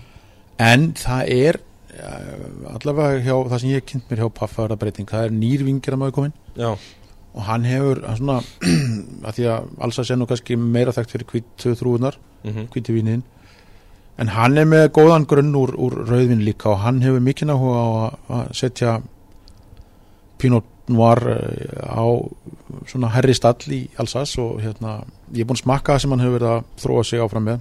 Mhm, og ég verð að segja að það er munur það er, þetta er, það er komið svona smá complexity í vinnið og meiri dýft og meiri lengt og, mhm. og kannski bara verður þetta eitthvað sem að, að maður skoðar fylgist betur með. Já, heldur betur, Já. Pinot Noir Alsas, það er svolítið skemmtilegt. Já, það er svolítið skemmtilegt og líka bara eh, sko uh, Og Paff er náttúrulega fólk getur kannski bara að hugsa sem svona sveimavela Jó, þetta er lítur að vera uppáhalsvín margra sem Já, þannig að ef þið eru að fara í sveimaklub þá það er þetta Já, Klárlega þetta vínið. er hljóta allir saumaklúpar að drekka þetta. Nákvæmlega. Fyrir vel með. Uh, Sko Nú uh, eru jólin náttúrulega. Nú heldur betur búin að komast inn á það. Já, Við ætlum að fara hérna í, í hérna aðeins að para vín með svona jólamatn já, er, Væri það ekki snild? jú, það er fólk spyr mjög, mjög mikið um þetta. Já, eðlilega. Já. Ég er búin að taka nokkra rétti hérna saman Ok, og það handla mismandi hvað fólk uh, er að borða jú, á jólunum. Uh, allt frá, þú veist, hangikjöt rjúpa, hambúrgarhryggur uh, lambarhryggur kalkútn og svo framvegis. Já, uh, og svo uh, hugsaði væsmenn að sjálfsögðu til þeirra sem, sem borða ekki kjöt kom aðeins að því hérna á eftir líka. Já. Uh, sko þú veist smá heimalærdóm Já, uh, para saman nokkra rétti hérna Mhm. með vínu sem þú þekki vel og, og mælir, mælir sérstaklega með. Uh, og teka fram að þessi partur af þættinu verður til sínis inn á væsmenn.is heimasíðinni þar sem Mhm. má finna öll vínin sem koma hér fram. Sko, byrjum á alveg svo ég segi bara fáranlega íslenskum rétti. Já, uh, hér erum við að tala um hangi kjöt já. kartöflur, uppstúf grænar, rauðkál og laufabrauð það sjálfsög, Lögabröð Er það ekki? Jú, það verður að vera. Það verður náttúrulega að vera sko. Og jafnvel frekar en vín en hérna þetta er, mér er alltaf þótt rosa erfitt að hérna já, hérna eru konur í reikin já, hérna er komin reykur og mikið salt og þetta er dálítið svona þetta er trikki já, þetta er mjög trikki sko. Ég, sko, bara svona í grunninn hef ég ofta rálægt fólki að hérna að vera kannski ekki endilega mikið að spá í þetta. Mm heldur kaupa sér bara flösku nota þetta tækifæri til þess að kaupa sér flösku af einhverju vinni sem það hefur ekki drukkið áður. -hmm. prófa. Mm og hérna stiga út fyrir þægundaramann já, og vera ekkit endilega að spá í hérna, ég skal svo koma að því á eftir hvað er samt gott að kannski að hafa til liðsjónar mm en þetta er alltaf, hefur alltaf bara verið hjá mér svona tillaga til fólks að kaupa sér eitthvað nýtt sem það er aldrei smakka áður. Mhm. og hérna prófa eitthvað nýtt vín og hafa það í glasi og borða svo bara þetta hangi kjött og hafa svona kannski bara jólaölið on the side. Já, og svo þeir búið að ganga frá og svona þá er hægt að klára bara þessa flösku sko. já, já, og það, það fer vel með skilur við, kvöldinu allavega. En, en svona í grunninn eh, með hangikjöti þá þá er eh, sko held ég að þessi ítölsku vín, passimento vín hérna, sem hafa vist, þau hafa alkohól og þau hafa svona sætu tóna og sem að ég held að geti alveg harmonirað í, í þennan reik og salt og Já. þetta verði bara svona ágæti sniðustað Mhm. og Pinot Noir en þá ekki endilega Burgundi heldur frekar kannski Suðu Frakland þar sem að er aðeins svona dekkri ávistur og dekkri áferða á víninu já, og jafnvel aðeins svona sætu tónar, það meiri hitti, meiri alkohól og ég held að það væri eitthvað sem að fólk geti alveg verið að skoða. Mhm, svo við löngum þekta hérna gefustra mínir frá Alsas hérna, sé eitthvað svona kombo sem að sem að hérna svona gangi upp uh, með hangkjöti já. Það getur, ég hef bara ekki prófað því að mér langar bara ekkert að prófa. Ég sé það einhvern veginn ekki fyrir mig ganga Nei, upp þannig að ég hef svona ekkert endilega verið að sækjast í það. En fólk hefur talað um það að gefa úrstöðinu séu já, fólk hefur talað um það og það er einhvern veginn kombo sem að sem að hefur hérna, með svona reyktu kjöti bara almennt svona getur gengið og, og, og ég skil alveg pælinguna það er, Já, já, já, uh, gefustömmin er þannig bara er þannig vín að það, það ætti alveg að geta somt sér vel með saltin og reyknum sko. Já. Þegar við tölum um gefa úrstæðminir þá hérna ennþá kvítisstrúa já, og ég man alltaf þegar ég var að læra að sko, þú getur annarkort farið í, í gegnum sveinspróf, já, klára það Mhm. eða bara stafað, gefa úrstæðminir já það er það, er, það þarf að alveg sveinsbrótið þess. Jú, jú, það er hérna jú, jú, maður er búin að sjá. Já, það er bara ekkert gott sko. Nei, það, það er ekkit ef þú hefur aldrei séð þetta orð þá bara þá er þetta ekki gott mál. Nei, en þetta er góð vín. Já, þau eru, þau eru sérstök. Þe, ég, þetta eru svona vínir sem að fólk annarkort elskar að hatar. Ég, þau eru bara, þessi þrú er bara þannig gerð og hérna hefur bara þannig enginni en, en hún getur verið með ákveðnum mat, getur, getur hún verið frábær og já, eins og svona asískum mat og sem er mikið kryddaður og sterkur jafnvel. Af því að sírustíði látt í þeim yfirleitt og hérna og þá bara hægt að gera gott mót þar. Já, þetta er rosalega svona áhugaverð vín. Já þau eru það og maður, veist, maður drekkur, uh, drekkur þau mjög sjaldan af því að það er einhvern veginn uh, ekki oft svona tilöfni sem að maður bara, já herðu smetli í gefastum minni, en það er, það er gott með ákveðnum, uh, ákveðnum mat Já, klárlega. Og það er náttúrulega eins og við tölum einhver, einhverjur er talað um það að það geti verið að hangi kjöt. Já, Hvað annað svona þetta er í hug? Varandi ekki vöxtra mínir. Ég sko það fyrir rosalega vel með til þess bara engifer. Já, ok. Þannig að rétti sem eru svona með ferskum engifer Já. að, hérna, sama hvernig sem er voða mikið það séu sem er voða mikið að síu og það er bara ótrúlega gott uh, kombo þannig að fólk getur svona samansett merki þar allavega Mhm. ef það er í einhverjum vandræði með einhvern asískan rétt og það er mikið engifer og, og chili og eitthvað svona en, en ráðandi kannski er og soji og allt þetta, ef það er mikið engifer þá, þá er gott að smella sér á vöxtra mínir Þetta er mjög, mjög góð, góð hérna ábending. Og það er líka verðt að benda það að það eru fín gifustramínir frá Chile mörg. Já, ok. Það vissi ég ekki. Og þau getur jafnvel sko hendað íslenskum bræðleikum ekki síður. Nei, nei. Það er magnað. Ég er hlaka til að smaka það. Já, uh, Herru, svo er hér skemmtilegur veganréttur. Já, sem er hérna uh, heitir Hangi Ump. Lítur að vera svona einhvers konar uh, svari við hangikjöt og, og uppstúf. Ég fann þessa uppskrift inn á grænkerar.is Já. svona aðeins að, að skoða hvað Já. var í bóði fyrir, fyrir þá sem að kjósa að, að borða ekki kjöt. Já. Sko aðeins að ég sé að fara að lesa allir uppskritina þá ætla ég að lesa svona smá hluta. Mm Uh, fyrir ykkur sem ekki viti hvað ump er er það uh, sænst sojakjöt sem er gert úr hreinu óerðabreittu sojabrótinni uh, saltin smóki ump ásamt byrkirektu salti frá saltverk gefur hangkjöts ilm og bragð en rauðrófa gefur blöndinni fagur bleikan lit. Og svo kemur í raun að því sem að svona seldi mér þetta al, alveg gjörsanlega og það er að sko við baksturinn fyllist húsið af reyktum birkiilmi og mætti alveg halda að væri verið að sjóða hangikjöt. Og þú heitir auðvitað birkir. Það er, ég veit það, það er allt gott með byrki það er bara þannig, skilur við Já, en hérna sko, ég verð að segja að þetta er alveg svona veganréttur sem ég verð til að pröfa sko, Já, og, og ég held að við getum örgulega mörg tekið það til fyrirmyndar að borða meira græmiti sko. já, já Hvað hérna getum við farið í svona svipa, svipa vínpælingar hér? Ég myndi bara klárlega gera það. Ég, hérna mér svona heyrist á uppskriftinni að það sé verið að, að svona sækja í það Já, veist, svona bragð og, hérna allavega bragð og lykt. Nákvæmlega. Þannig að maður ímynda sér þar ég þekki þetta nú ekki sjálf áferðin kannski aðeins önnur í, í munni en, en ég held að með að við bara lýsingarnar. réttur, já, réttur, réttur hljómara þá ætti maður bara að sækja í sömu vín sko.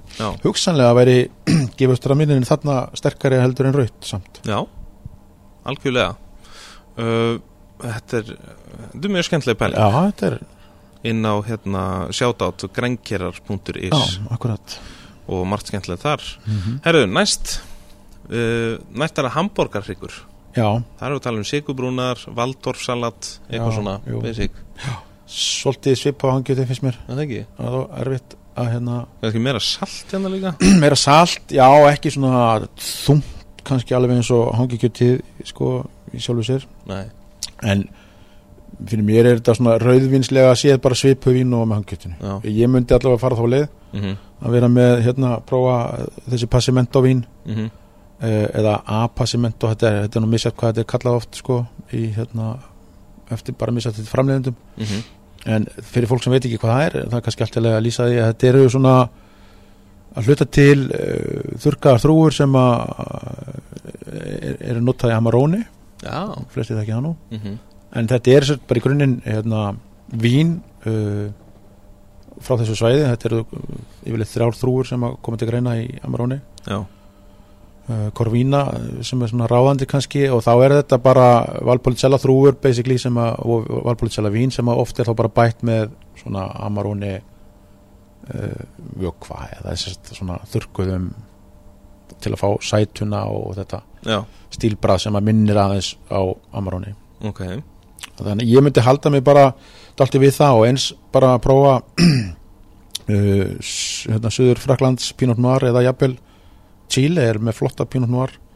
Við erum með Connoisseur hérna til dæmis Organic sem að Já, hefur svona smá smoky tóna.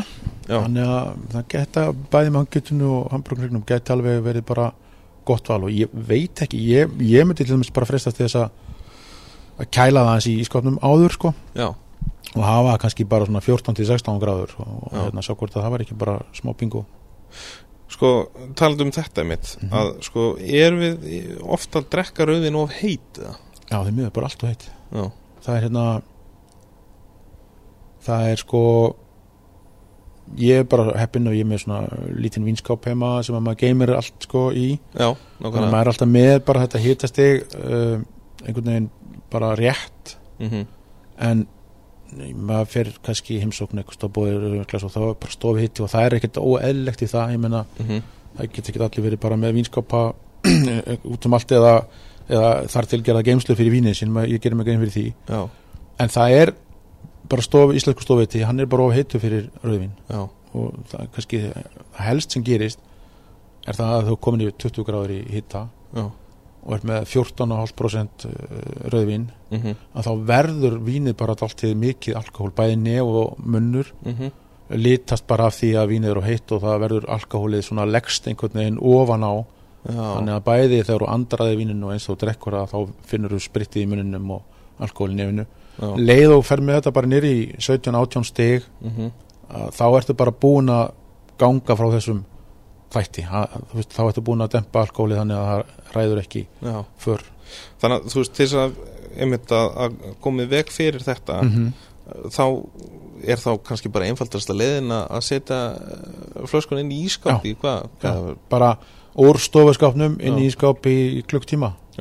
Veist ég er svo sem aldrei mælt það en ég, ef það er, það er stofihittin þér er 22 gráður mm að á einhverjum klukktíma þá fer það í 20 þannig að kannski einn og hálfum tíma. Og ef það er of kalt og gleymir því eitthvað smá Já. eða synkar eitthvað þér eitthvað Mhm. þá gerir það bara ekki til. Það hitna bara mjög fljótt og Já. bara muna þá bara ef það er of kalt að setja bara lítið í glasið Já, og hérna þá hitnar það fyrr í glasinu. Og getum kannski líka bara sagt það að, að hérna að ef að allir eru sestir borðs og, og allir eru klárir að þá er kannski bara jafnvel ekkert vittlust að, að þurfum að því bara í karuflu. Ekki, að- ekki síður sko. en hraðar og, og náttúrulega opnar og vínið. opnar vinnið og gerir bara gott mót sko. Já, Ma- ég held að sé ósla margir sem að eiga eh, fallega karuflu sem er bara kannski upp á skeng Já, en er svona lítið nótið fólk nennir bara ekki að nota þetta. Ég hérna af því að það er svo leirist að þó þetta ég, hérna, maður það alltaf og hérna, maður hafa lendið í því sjálfur. En ég er bara líka með fínt triks fyrir fólk sem að sem er bara gott að nota að ef þú ert með vín sem að er eh, svona hátjarvín og þú ert að eða aðeins mér í pinning og þá má alveg rekna með að það er því betra við umhellingu. Mm -hmm. og þá er oft gott að hella því bara í vaskönnu Mm og hella því bara aftur yfir flöskuna.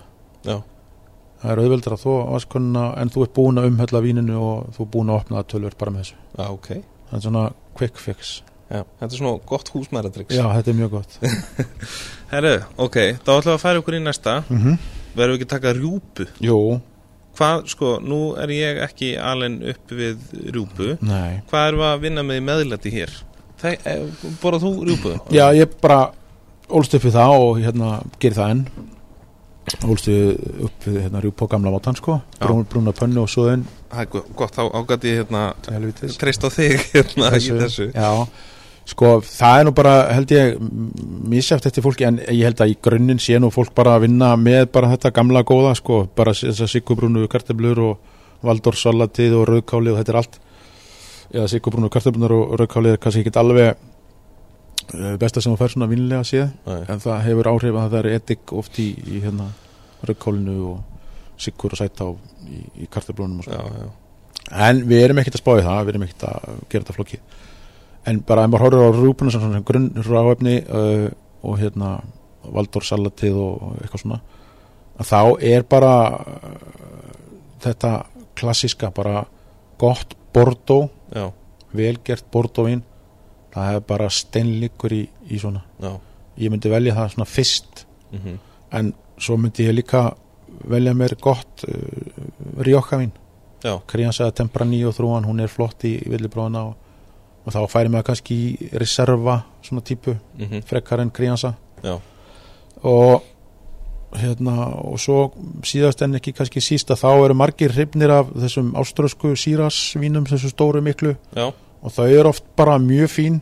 Og þau gangar hér í, í þau ganga með rjúpunni, rjúpan er svo bræðmikil og svona. Já, og hérna og áströsku sírasvínum, þeir verða alltaf bara oft eins og, þú veist, sulta já, með Já. og bara hjúpar þetta fínt og gerir þetta gott sko. Mm og jafnvel hérna þeir sem að vilja fara svona svipa leið en ekki kannski finnst þetta of þungt þá verður bara að taka hérna gott vín úr Rónardalum já, það er bara virkar alltaf líka. Já. Eitthvað gott koturón þar. Já, eitthvað bara, já. Um, Sko, næst ætlum við uh, við ætlum að halda okkur í, í fuglakjötunu já, uh, Það hefur svona fæst í aukana að sumir velja að hafa kalkun já, og þetta get, og svo sem reyndar uh, hérna, ólst ég líka upp við að hafa kalkun á árumátanum já, einmitt. Þannig að þetta er svo sem getur alveg gengið það líka. Já, algjörlega. Uh, Sko, fylling uh, oft er en ekki svona, kannski eitthvað sætkartublusalat já, einmitt og einhver svona mm, er ekki oft bara verið að nota svona sveppafyllingar eða eitthvað svona veist, bræðmikið mér finnst, ef þú ert komin þar þá, þá myndi ég frekka vilja raut sko. Já, En svo eru margir bara gefast upp á kannski vera með heilanfuglu eru bara með bringur og, og svona léttara mæðlæti eitthvað svona. Mm uh, þá bara híklust að taka gott kvítin bara alveg gott chardonnay, burgundar eða eitthvað svona sem hefur Já. svona smá bit já svona lang, langa uh, langt og feitt eins og maður kallar oft með Einmitt. þessi góðu vin sko Já. og ekkert verra að hann sé smá tunna í því sko Já, og hérna en, en hvít og raut alveg steinleikur með kalkunum það er bara eftir svona hvað fólk kýs bara sjálft já sko. Og sko ég er mjög sko góð eiguð hérna Já. það er náttúrulega bara geggjað. Þú veist, eitthvað svona bræð sem að lifir svolítið það sko. er bara það er sko uh, í dag finnst mér líka að sko, það er minga eikarnótkun finnst mér nú hafa minga tölverð mm, sem er bara gott af því að þetta var dalti mikið hérna fyrir nokkur mánu síðan. Já, en hún er svona, fann að stilla svona, það eru svona hóflegri nótkun á eikinni. Já, en ég verð samt að segja sko með til dæmis svo- svona réttum uh, og skelfisk eða svona humar, mér er auðvitað að fá humar en, já. en bara kvítlós humar eins og bara upp á gamla mótan, bara í miklu smjöri og allt þetta, mm að það er bara finnst mér ég bara gott eikað sérðunni, það er bara málið sko. Já, það þarf ekki að flækja það þarf ekkert að flækja það. Sammála því, þannig að recap, við erum að tala um uh, uh, einhvern svona eikaðan Chardonnay já, sko, já, bara sko, ég myndi velja það fyrst eh, en bara góð vöndukvittin. Þá, þá er maður kannski tala um að þú ert að fara bara í vínbúðina að kaupa þér vín kannski veist, sem að eru, við erum komin í verðflokkin 3000 kall Mhm. plus mm -hmm. en það getur alveg verið rísling og það getur líka verið flott Pinot Grigio.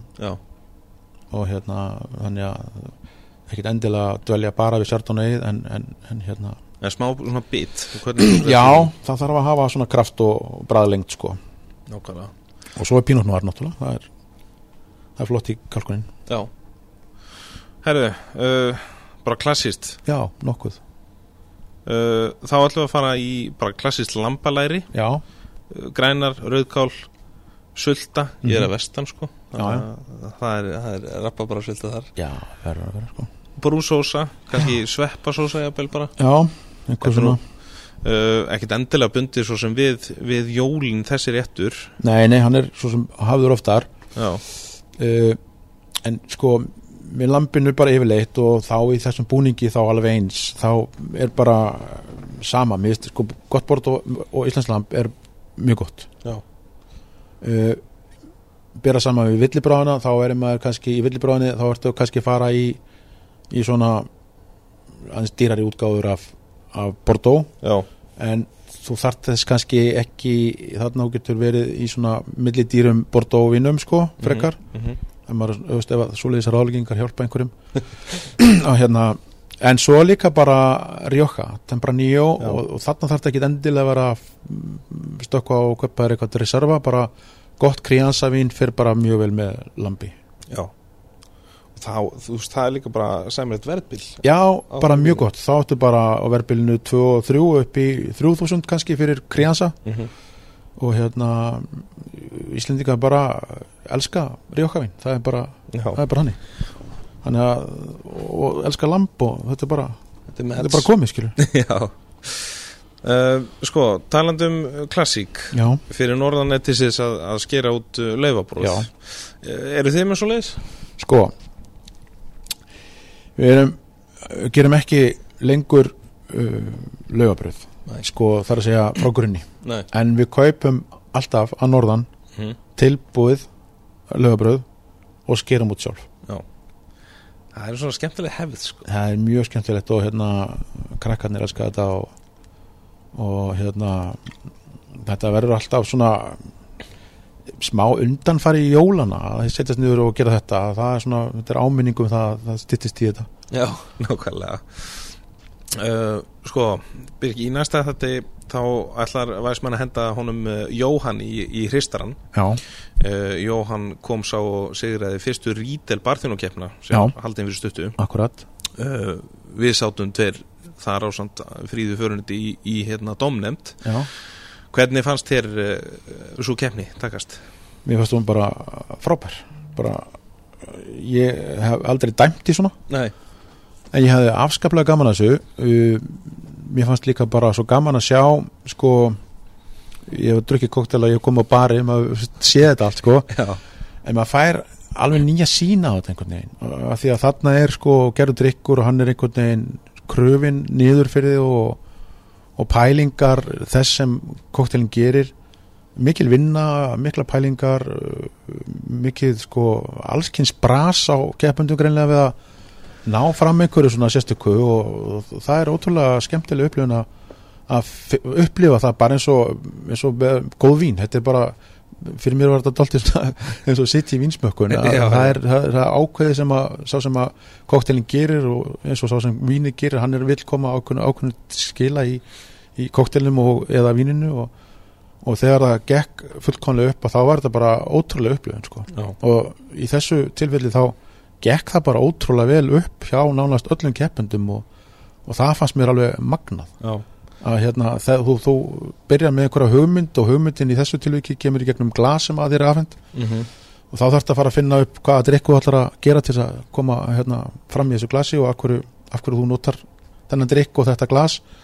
Og þetta konsept var bara frábært og hérna, allir sem að, að þessu stóðu og bara róskilið og keppundur líka fyrir hérna, bara frábæra keppni og mikið hugmynd að auki, verði að segja. Já. Þetta er, sko, standardin alltaf var bara á, á hæsta level Já, ég held það hljóta að vera þó ég hef ekki dæmt á þér en þá bara þá var þetta bara ótrúlega mikil og skemmtileg upplifun og hérna sem betur fyrr ætlum við að gera þetta aftur ekki þannig að Ég held að það verði ekki hlaupið frá því Nei, og ég bara, ég hef verið að segja sko vinnum og vandamönnum að það verði engi svikin að koma að horfa á því að þetta er bara, þetta er bara skemmtilegt sjó Já, líka. nákvæmlega Nákvæmlega.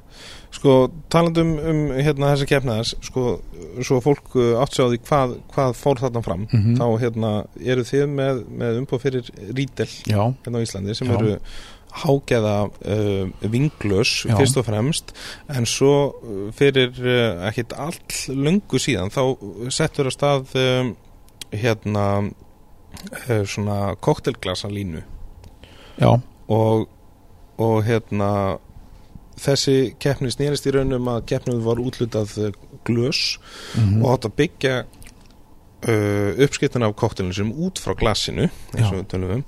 Uh, sko við ætlum að í næsta þetta koma náði ég nú viðtali við hann hérna hann Matt. Já, frá Rídel frá Rídel og, og það verður spilað í næsta já, uh, en hérna sko hversu hversu miklu máli skipta glös eins og ef við tölum um vín sko það er bara eh, hafa þetta einfalt Já. að fólk skilji bara e, lélegt glas eða ef að orða kannski vittlust glas já, getur bara hreinlega tekið alla ánægju og gæðu úr víni ég, hérna, ég veit að fólk sko á bátt með að trúa þessu stundum, Mhm.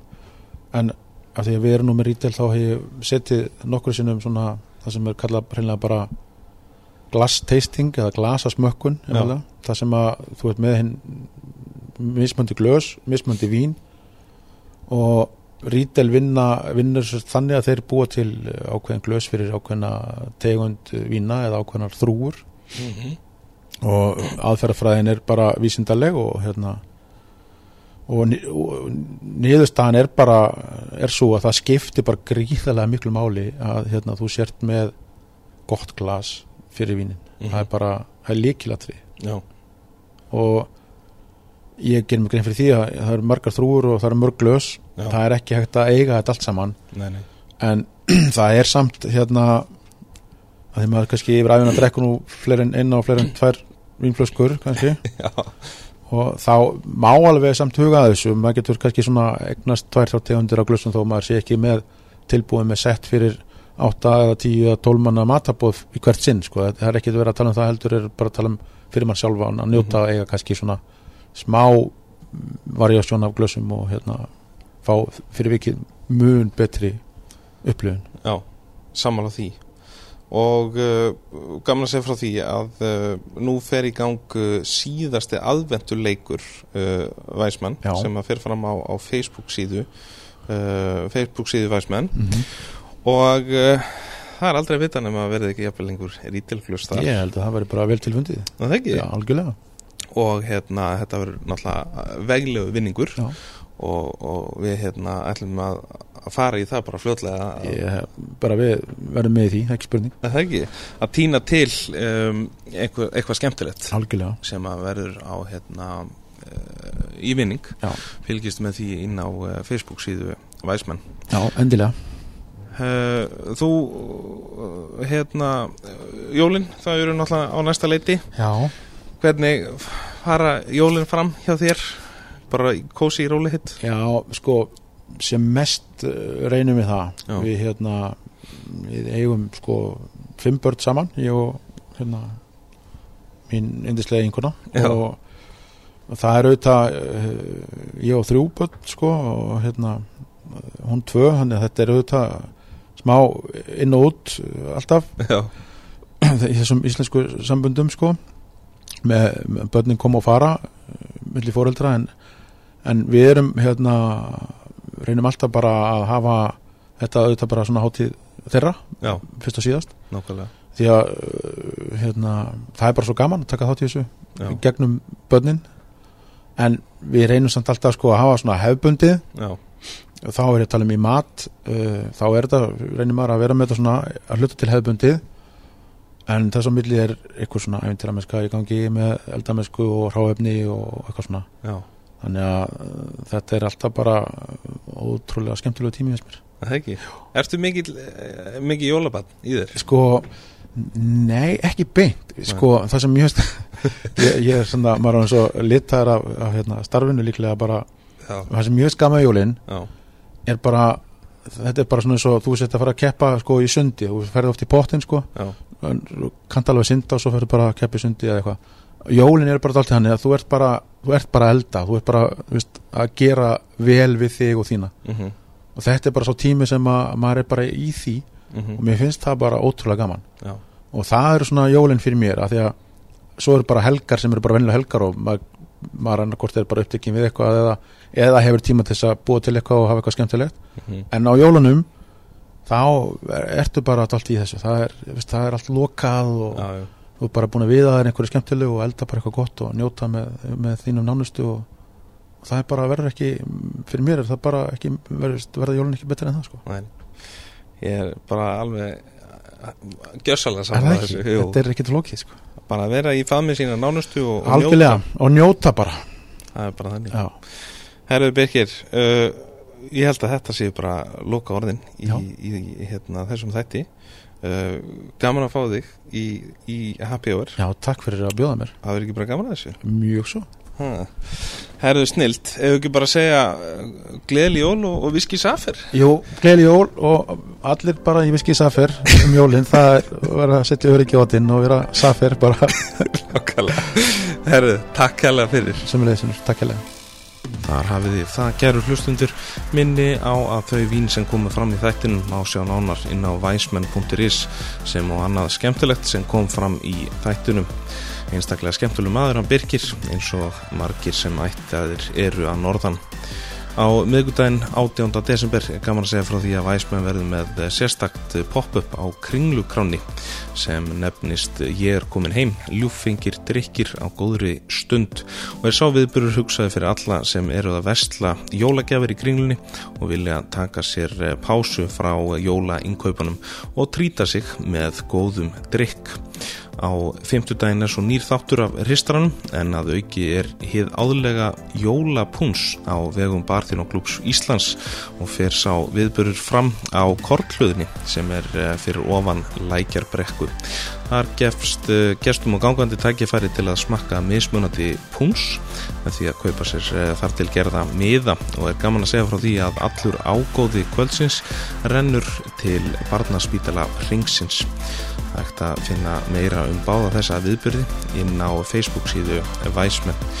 Í leiðinni er líka hægt að skráða sig til leiks í síðasta aðvöndu leiknum. Það er sem inneldur meðal annars tvær flöskur á portvíni, rítelglös, konfekt öðlur og er vinningunum skreittur og pakkaður inn af snillingunum í blómabúðinni Dögg í Hafnarfyrði. Á Instagram er svo hægt að fylgjast með öllu því helsta sem gerist í lífi væsmenn þegar kemur að vegum í fljótandi formu og að lokum minnir væsmenn á að happy hour má auðvitað finna á Spotify og öllum helstu hlaðvarps veitum. Higgið ekki við að eh, hafa samband í gegnum Facebook eða Instagram ef þið hafið einhverjar ábendingar rós eða annað sem ykkur dettur í eh, hug helst eh, skemmtilegt auðvitað og mun Væsmann taka það allt saman til skoðunar. En það happy hour auðvitað á að vera skemmtilegur þáttur eins og nafnið gefur til kynna. En nú er nóg komið af bladri takk fyrir að hlusta. Taka til næst Væsmann átt